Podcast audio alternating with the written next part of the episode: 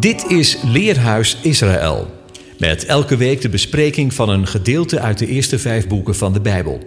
De presentator van deze week is Anko van Molenbroek.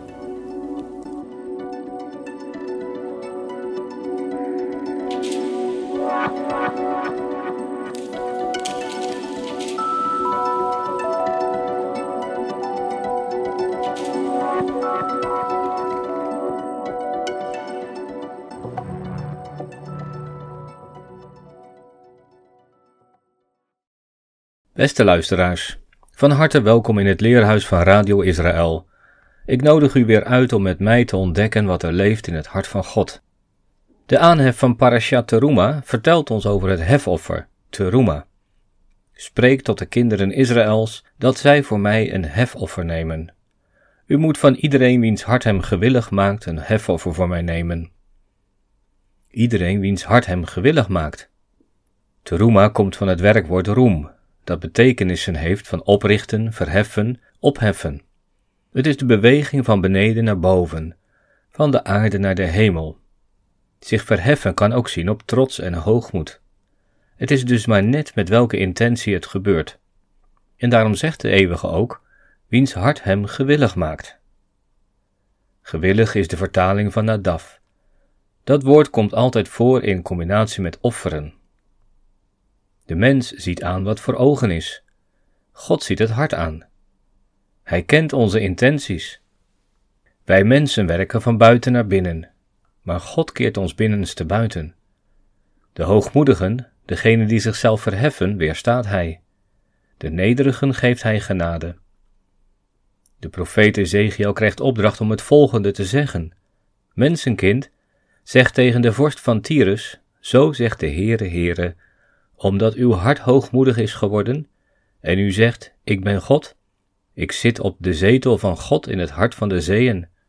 Terwijl u een mens bent en geen God, geeft u uw hart uit voor het hart van God.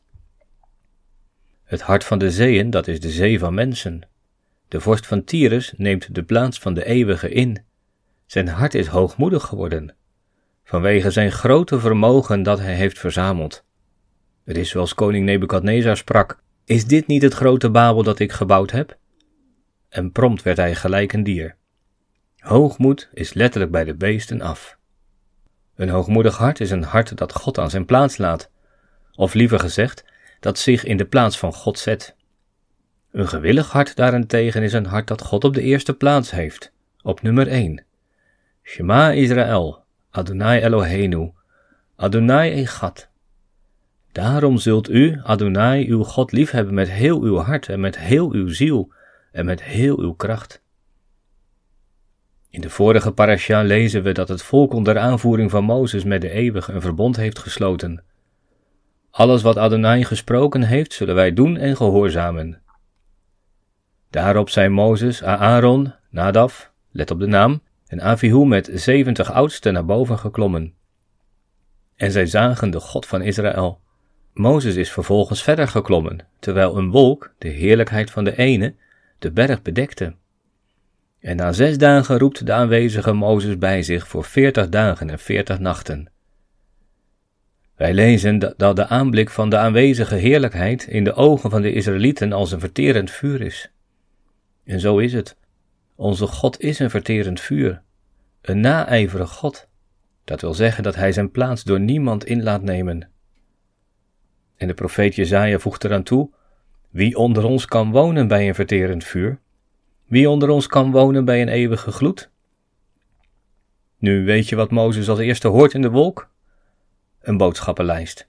En daarmee moet het volk een heiligdom voor de eeuwige maken, zodat hij in hun midden kan wonen. Hoe kan de eeuwige wonen op de aarde? Hij die een huis bewoont dat niet met handen is gemaakt? De grote koning Salomo roept het uit bij de inwijding van de tempel. Maar zou God werkelijk op de aarde wonen? Zie, de hemel kan u niet bevatten, hoeveel te min dit huis dat ik gebouwd heb. God is onbevattelijk, maar Hij omvat alles. We zullen in dit leerhuis een tipje van de sluier oplichten, want de eeuwige werkt van binnen naar buiten. Het thema is dan ook binnenste buiten. En uiteraard gaat het over de tabernakel. In het eerste deel zien we de inhoud, de binnenkant ervan. De tent als het paradijs, God bij ons. En vervolgens letten we op de bedekking, de buitenkant van de tent. De tent als plaats van afzondering, God voor ons. Het derde deel handelt over de tijd van de tent. De tent als plek van ontmoeting en ruimte. God met ons. Dus de inhoud, de bedekking en de tijd. Hear the voice of one crying in the desert. The grass withers, the flowers fade. The word of our God stands forever.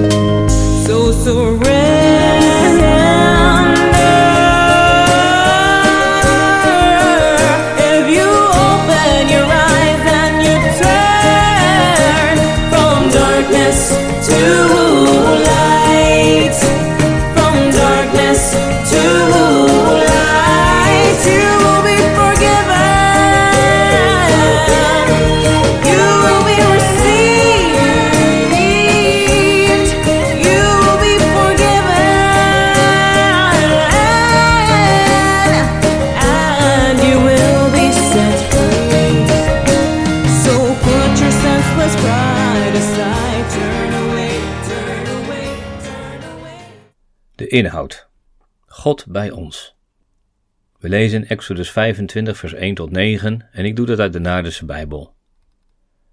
Dan spreekt de ene tot Mozes en zegt: Spreek tot de zonen Israëls, dat ze voor mij een heffing zullen nemen, van alle man wiens hart hem aandrijft. Van alle man wiens hart hem aandrijft, zult ge deze heffing voor mij aannemen. En dit is de heffing die ge van hen zult aannemen: goud, zilver, koper, brons, azuurslak, purper, scharlaken, karmozijnworm, doek, geitenhaar, bloedrode ramsvellen, dassenvellen, acaciastammen, olijfolie voor de verlichting, balsems voor de zalfolie en voor de kruidenwierook, berylstenen en opvulstenen voor de efot en het borstschild. Maken zullen zij voor mij een heiligdom, wonen zal ik in hun midden. Naar al wat ik jou te zien geef, de uitbeelding van de woning en de uitbeelding van alle voorwerpen daarin, zo zullen jullie het maken. Het kostbaarste wordt eerst genoemd, en het meeste gaat ook in drieën: goud, zilver, koper. Goud is de maat van God, zilver is de maat van de mens, en koper, dat is de maat van de slang, de nagash. Want koper, dat is een gochet. Dan zien we drie soorten kleurstof: doek en geitenhaar. En dat doek, daar staat de shes, de dubbele shin. Die wordt voor het eerst genoemd als de kleding van Jozef in Egypte. Linnen, zoals het wordt vertaald, heeft dus met Egypte te maken. Het geitenhaar, de S, de Ayin en de Zayin, daar vinden we de dubbele zeven. Geiten worden voor het eerst gebruikt als verbondsoffer bij Abraham en bij Jacob. Het is ook waar Jacob zich mee bedekte, om zich voor te doen als Esau. Ook Esau betekent de harige. En dan zien we ramsvellen, dassenvellen en acaciahout. Je zou kunnen zeggen de fauna en de flora. De olie, de zalf en de wierook, onmisbare ingrediënten voor de dienst van de priester. Dat is wat we van de planten oogsten, bedoeld voor verlichting, toewijding en heiliging en toenadering. En tenslotte beryl of onyx. Beryl is een mineraal, net als onyx ook een edelsteen is. En andere stenen, eben staat er dan in het Hebreeuws. En dat is de levenloze natuur. U ziet, van alles wat. En samen zijn het zestien grondstoffen die elk hun symbolische betekenis hebben, maar dat bewaren we voor een andere keer. Je kunt ze verdelen in twee keer acht. De eerste acht, van goud tot aan geitenhaar, is van binnen naar buiten, van God naar de mens. De tweede acht, van ramsvellen tot stenen, is van buiten naar binnen, van de mens naar God. Dan volgt in onze parasha de beschrijving van de tent in zeven delen. De volgorde waarin ze worden genoemd, ja, dat is ook weer van binnen naar buiten. De opsomming begint bij de ark van het verbond, dan de tafel van de toonbroden, dan de menorah, de tabernakel de kleden, het voorhangsel, het koperen brandofferaltaar en de voorhof. In de volgende parasha volgt dan de beschrijving van de onderdeling die nodig zijn voor het vervullen van de dienst. En daarom staat het reukwerkaltaar ook niet in het rijtje in onze parasha, terwijl het wel in het heilige staat. Dat is immers bedoeld om van buiten naar binnen te gaan. Toen de Israëlieten naar de berg keken, zagen ze een verterend vuur. En dat deed hen vrezen. En nu gaat de eeuwige over van zien naar spreken. Het woord is immers het voertuig van de schepping. Mozes krijgt echter niet alleen de tien woorden, zichtbaar op de twee stenen tafels. Hij krijgt ook het bouwplan van de tabernakel, de zichtbare woning van de aanwezige. Wonen is de vertaling van shakan. En daarom heet de woning van de aanwezige ook de Mishkan. En daar zien we weer de mem voor aanstaan, het wonen in de aardse tijd. Nachmanides zegt dat de Mishkan een voortzetting is van de ervaring op de berg. Dat was paradijselijk, zoals Adam en Eva wandelden met God. Maar Adam en Eva zondigden. God dreef hen uit het paradijs en liet hen wonen, tabernakelen, aan de oostkant van de tuin van Eden. God liet de mens wonen ten oosten van Eden. En daarom heeft ook de tabernakel de opening naar het oosten. Ziet u het beeld? De tabernakel is het paradijs waaruit de mens is verdreven. Maar juist daar waar de mens woont, ten oosten, daar bevindt zich ook de opening. Let ook op de cherubim. Zij zorgden ervoor dat de mens niet meer bij de boom des levens kon komen. En ook cherubim bevinden zich op de wanden van het heilige. En in het heilige der heiligen zou straks de bloeiende staf van Aaron liggen, als beeld van de boom des levens in het paradijs. Mozes wordt het ontwerp van de tabernakel getoond. Hij ziet het patroon. Het woord dat hiervoor wordt gebruikt is tabayit. Het komt van het werkwoord bana, bouwen. Zoals Eva werd gebouwd uit de zijde van Adam. Zoals Eva, als het ware, het beeld van Adam. Zo is het aardse een beeld van het hemelse. En zo is de tabernakel het paradijs dat met ons meereist. God bij ons.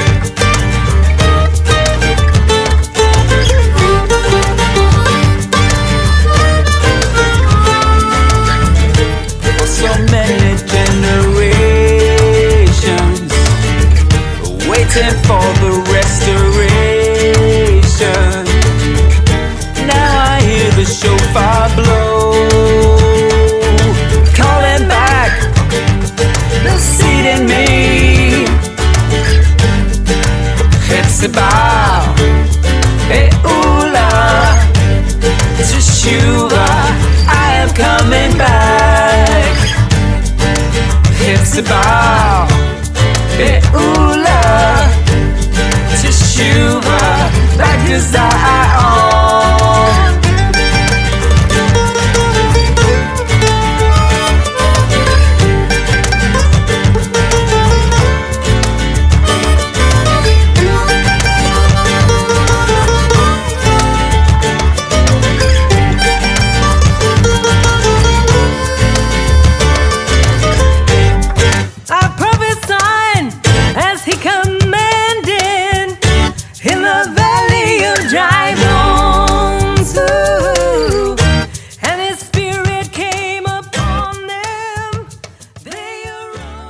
De bedekking.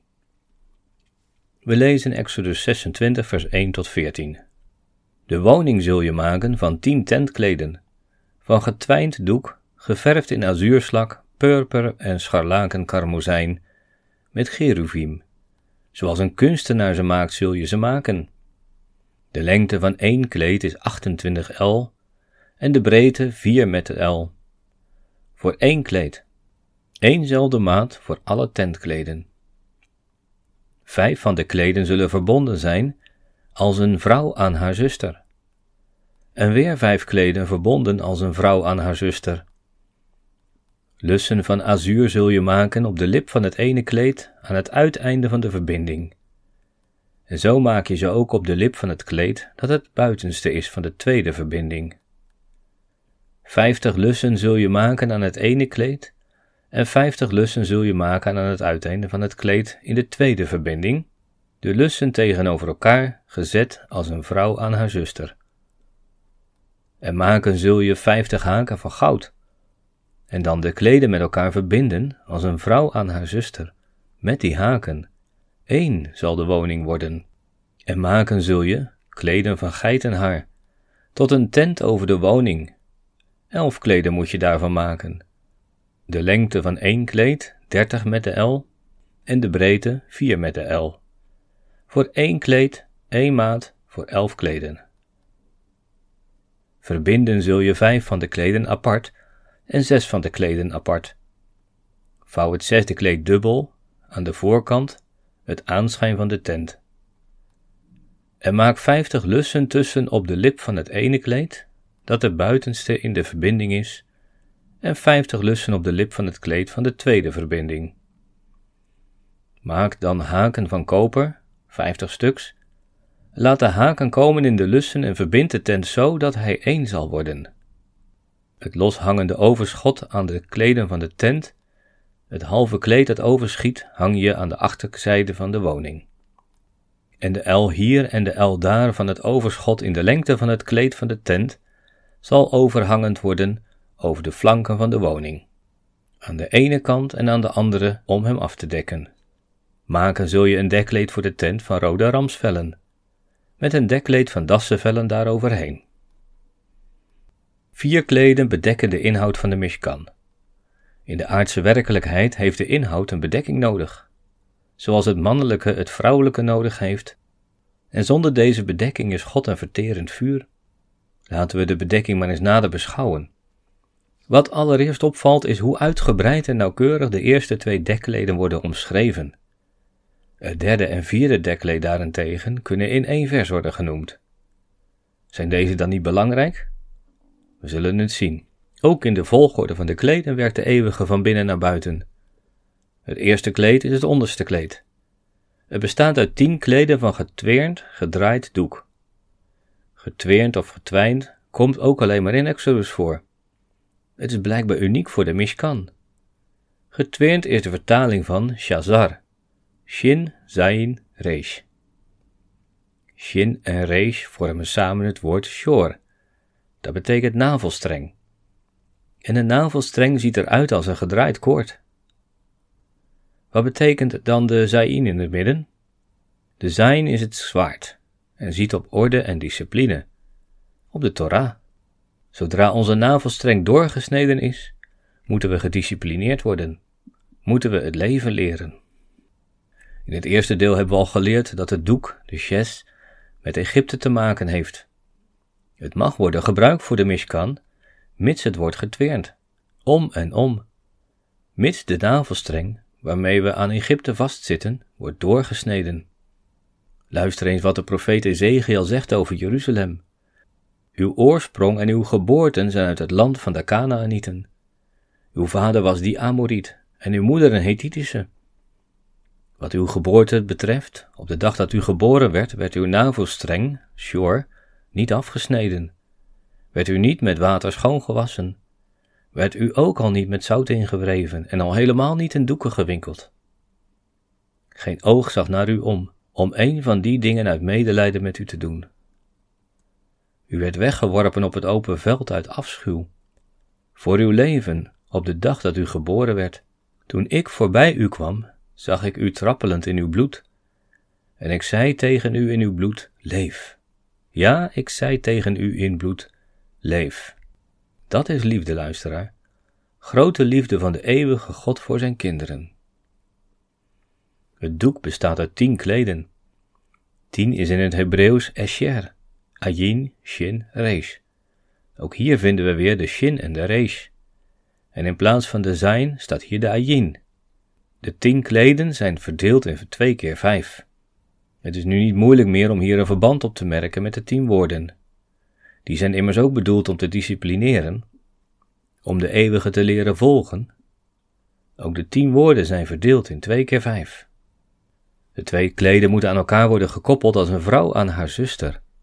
Die uitdrukking komen we alleen in dit hoofdstuk tegen, en dan vijf keer. En in de HSV is het helaas wegvertaald. Als een vrouw aan haar zuster. Isha el Achuta. Waarom spreekt de tekst over de vrouw en zuster? Omdat het vrouwelijke te maken heeft met het ontvangende, met het omhullende. Zoals het tendoek de inhoud omhult. En de eerste Achuta, zuster, in de Torah is de zuster van Tubal-Kain. Zij heet Naama, en dat betekent liefelijkheid. Wat een geweldig beeld is dat.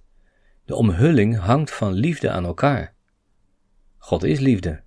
Ja, dat is ook de vervulling van de wet. God liefhebben boven alles en je naaste als jezelf. Zoals een vrouw aan haar zuster hangt. En luisteraar, hoe is het met uw, met ons binnenste, met uw hart? Is de navelstreng met Egypte al doorgesneden? En staan de tien woorden al in uw hart gegrift? Lees Psalm 119 nog maar eens. Ik zoek u met heel mijn hart. Laat mij van uw geboden niet afdwalen. Maar we haasten ons naar het tweede dekkleed. Dat is van geitenhaar gemaakt. Ook daarvan hebben we in het eerste deel al gesproken. De profeet Elia wordt de harige genoemd. Daaraan was hij herkenbaar. Elia is de profeet van de ballingschap. Hij brengt de ballingen weer terug in het land. Hij gaat aan de Messias vooraf en kondigt hem aan. Hij is de profeet van het herstel. De geitenharen afdekking bestaat ook uit twee tentkleden. Eén stuk van vijf en een stuk van zes kleden. Wat betekent dat? Toen Israël net in de woestijn was, werden ze aangevallen door Amalek. U weet wel, dat is het volk dat haar wortels in Esau, de harige, vindt. Ze worden verslagen door Joshua ben Nun. We lezen dan in Exodus 17, vers 16: Voorzeker de hand op de troon van de aanwezige. En in het Hebreeuws staat hier de verkorte godsnaam, Jod-He. De letters die ontbreken zijn de waf en de he. De waf heeft de waarde 6 en de he is 5. En men zegt, Gods aanwezigheid in deze wereld zal niet compleet zijn, totdat de naam Amalek volledig is uitgewist. En daarop wijst dit harige kleed, dat uit zes en vijf delen bestaat. Want het is de taak van Elia om bij elkaar te brengen. De vaders bij de zonen en andersom. De geitenharen kleden overdekken het eerste tentkleed. Aan de buitenkant is daarvan niets meer te zien. Je kunt het eerste kleed alleen zien als je binnen in het heiligdom bent. Maar samen zien zij op Mozes en Elia, op de Torah en het herstel van alle dingen. We zien dat ook terug in de maten van de ruimte. De tent overdekt het heilige der heiligen en het heilige. En het heilige is twee keer zo groot als het heilige der heiligen. Hier komen we weer de verhouding 1 staat tot 2 tegen. De een verwijst naar de ene. De twee is de wereld in de ballingschap, in de ellende. En juist in die wereld mogen we naderen tot de eeuwige. Toenadering vraagt om omkering, te shuva, en dan komt het binnenste buiten te liggen. Maar zonder bloed is er geen vergeving. Herstel vraagt om offers. Het derde kleed is daarom gemaakt van rood geverfde ramsvellen. Ramsvellen trekken samen als ze, als ze vochtig worden, en zo ontstaat er een waterdicht geheel. De ram is de ajiel. Een driejarige ram werd door Abraham als verbondsoffer gebruikt. En later vond Abraham een ram verward in de struiken, en hij offerde die ram in plaats van zijn zoon. En Jacob bood rammen aan om Esau gunstig te stemmen. We zien dus hoe geschikt een ram is als verbondsoffer en om verzoening tot stand te brengen. Ten slotte het laatste dekkleed. Dat is gemaakt van vellen van het tagasdier. Sommigen vertalen met zeekoe, anderen met een das. Het was een dekkleed dat bescherming bood. En de laatste twee dekleden zijn zonder afmeting. Onmetelijk. Dat geldt voor de verzoening als voor de bescherming. We keren nog een keer terug naar de profeet Ezekiel. En hij zegt in hetzelfde hoofdstuk: Ik heb u even overvloedig gemaakt als het gewas op het veld. U groeide op, u werd groot en u kwam tot grote schoonheid. Uw borsten werden stevig, uw haar groeide, maar u was naakt en bloot. Toen ik voorbij u kwam, dat is dus de tweede keer, zag ik u. En zie, uw tijd was de tijd van de liefde. Zo spreidde ik mijn vleugel over u uit en bedekte uw naaktheid. En daarop zwoer ik u en ging een verbond met u aan, spreekt Adonai de aanwezige. En zo werd u van mij. Daarop waste ik u met water, spoelde uw bloed van u af en zalfde u met olie. Ik trok u kleurrijke geborduurde kleren aan, schoeide u met tagashuiden, omwikkelde u met fijn linnen en bedekte u met zijde. Hebt u het kleden van de tabernakel herkend? Van de tagashuiden zijn hier schoenen gemaakt. Ik moet denken aan wat Paulus zegt: de voeten geschoeid met de bereidheid van het evangelie van de vrede. Vrede met God. Vier tentdoeken. De tien woorden in het leven met God. Het woord van de profeet in de ballingschap keert terug.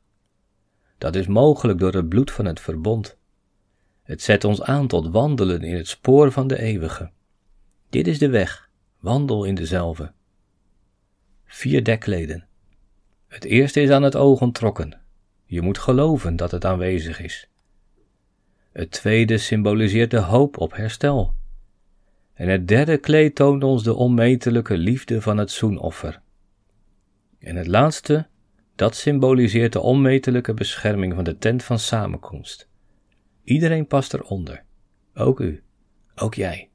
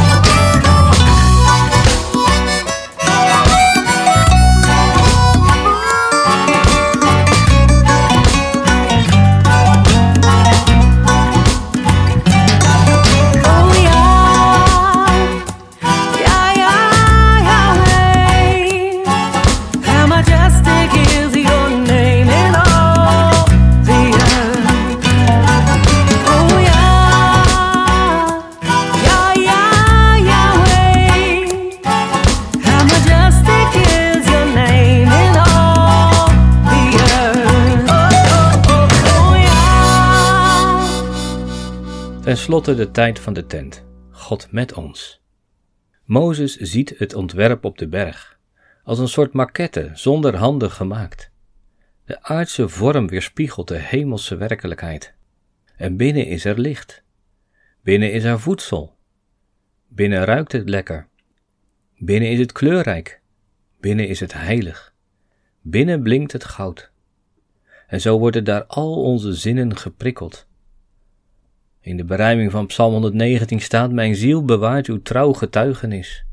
Dat heb ik lief, ook doe ik uw bevelen. Uw woord kan mij, ofschoon ik alles mis, door zijn smaak en hart en zinnen strelen. U weet mijn weg en hoe mijn wandel is. Ik wil niets daarvan voor u, mijn God, verhelen, verbergen.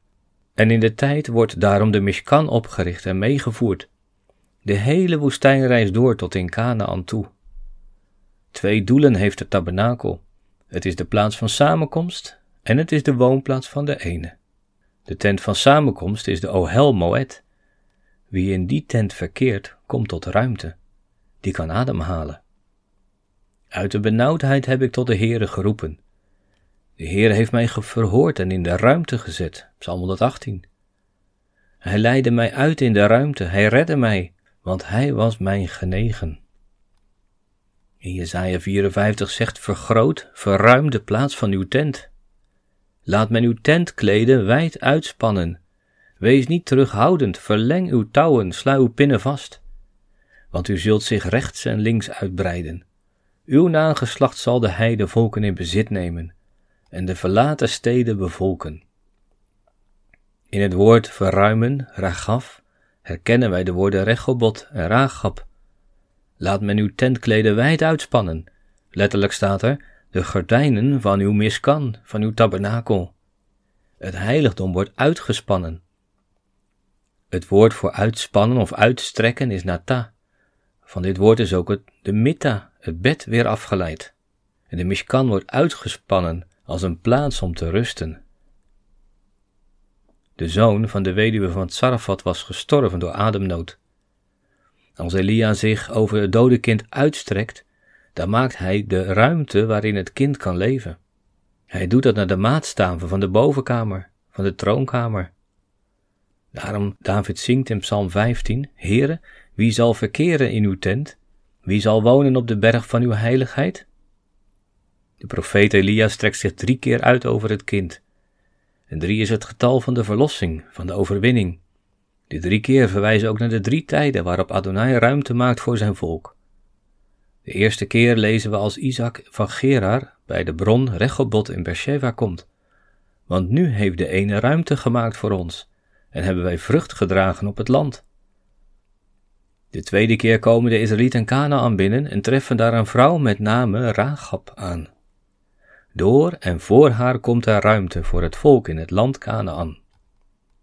De derde keer zal zijn als de Messias komt, om zijn koninkrijk zal te vestigen. De overlevering zegt dat de Messias ben Jozef komt om de grenzen van het land weer te herstellen. Hij komt om ruimte te maken. De voorafschaduwing van dat toekomstige herstel is zichtbaar op de berg van de verheerlijking. Jezus neemt drie van zijn discipelen mee naar een hoge berg. Dan volgt op de eerste aankondiging van zijn lijden als de zoon des mensen het volgende. En na zes dagen nam Jezus Petrus en Jacobus en Johannes met zich mee en bracht hen apart op een hoge berg, alleen hen. En hij werd voor hun ogen van gedaante veranderd. En zijn kleren werden blinkend, zeer wit, als sneeuw, zo wit als geen wolwerker op aarde ze kan maken. En aan hen verscheen Elia met Mozes, en ze spraken met Jezus. En Petrus antwoordde en zei tegen Jezus: Rabbi, het is goed dat wij hier zijn. En laten wij drie tenten maken, drie tabernakelen, voor u één, en voor Mozes één, en voor Elia één. Hij wist namelijk niet wat hij zei, want ze waren zeer bevreesd. En er kwam een wolk die hen overschaduwde. En uit de wolk kwam een stem die zei: Dit is mijn geliefde zoon, luister naar hem. En plotseling, terwijl zij om zich heen keken, zagen zij niemand meer bij zich dan Jezus alleen. De gebeurtenis is een parallel van de wetgeving op de Sinaï. Er is sprake van zes voorafgaande dagen, van een berg, van een wolk en het spreken uit de wolk. Mozes had op de berg een gedaantewisseling ondergaan en zijn gezicht straalde. Het volk vroeg hem zijn gezicht te bedekken. Ook Yeshua ondergaat een gedaantewisseling. En wat eerst wordt gezien, wordt aan de andere kant gehoord. Dit is mijn geliefde zoon. We spreken over de bedekking. De blinkende witte kleren zijn een aanduiding van een hemelse gedaante. Het is geen wonder dat Petrus voorstelt om drie tenten te maken. Mozes, de man van de tabernakel in de woestijn. Elia die zijn lichaam als tent over de jongen uitstrekte. Een tabernakel maakt ruimte, ruimte voor de hemel op aarde. Het was geen domme opmerking van Petrus. Hij besefte intuïtief dat de heerlijkheid van God op aarde een woonplaats nodig had. Daar was het echter nu nog niet de tijd voor. Petrus kon niet vermoeden dat de hemel zelf ruimte zou maken, en voor even daalde de wolk neer. De kern is de verschijning van Elia met Mozes. Marcus legt de nadruk op Elia. En volgens Lucas spraken zij over de komende uitgang, de Exodus naar Jeruzalem. Hij gaat als het lam Gods, om de ramsvellen rood te verven. Elia is op bijzondere wijze van de aarde weggenomen. En na deze wegneming zal hij terugkomen om de Messias aan te kondigen, zegt de overlevering. En dan verdwijnt hij weer, totdat Gog en Magog komen. Dat is dan de derde keer dat hij verschijnt. Tot die tijd houdt hij zich bezig met het bijhouden van de geslachten. Hij is immers bij elke besnijdenis aanwezig. Daarom zegt men dat hij iedere Israëliet zal informeren tot welk van de twaalf stammen hij behoort. De overlevering zegt dat de eerste verlosser, Mozes, de laatste verlosser, de Messias zal zijn.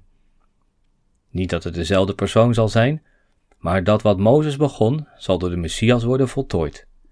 Want de uittocht uit Egypte had als doel om de Torah te ontvangen. Als de Messias komt, dan betekent dat de volledige uitvoering van de Torah. In de Messiaanse tijd zal het licht van de Torah schijnen zonder verduistering. Het verborgene van de Torah zijn de diepte van Gods hart. Nooit heeft God deze diepte mondeling onthuld. Verlossing is het vermogen van het hart om zich volledig in woorden uit te drukken. Alleen de Messias heeft het vermogen om deze diepten in woorden uit te drukken. En iets daarvan hebben we gezien in deze parasha. Gods weg is van binnen naar buiten, zodat wij van buiten naar binnen kunnen komen. En dat vraagt om een gewillig hart. Zo is het leven. Paulus zegt het in 2 Korinthe 4 en 5. Ook al vergaat onze uiterlijke mens, de buitenkant, toch wordt de innerlijke mens van dag tot dag vernieuwd. We weten immers dat wanneer ons aardse huis, deze tent, afgebroken wordt, wij een gebouw van God hebben, een huis niet met handen gemaakt, maar eeuwig in de hemelen. Want in deze tent zuchten wij ook en verlangen wij er vurig naar met onze woning die uit de hemel is, overkleed te worden.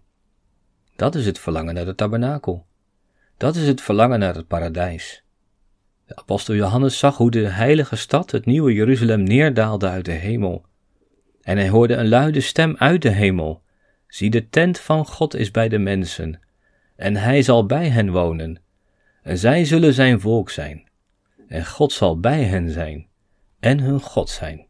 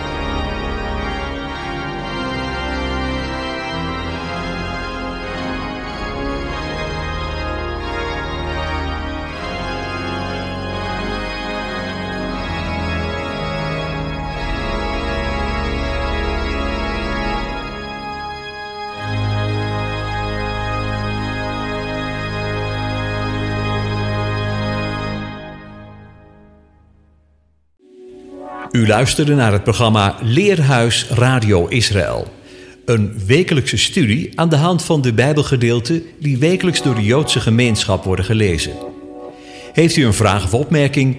Stuur dan een e-mail naar info-apenstaatje radioisrael.nl. Het leesrooster vindt u op onze website. Ga naar radioisrael.nl en klik onder het kopje radio op programma's.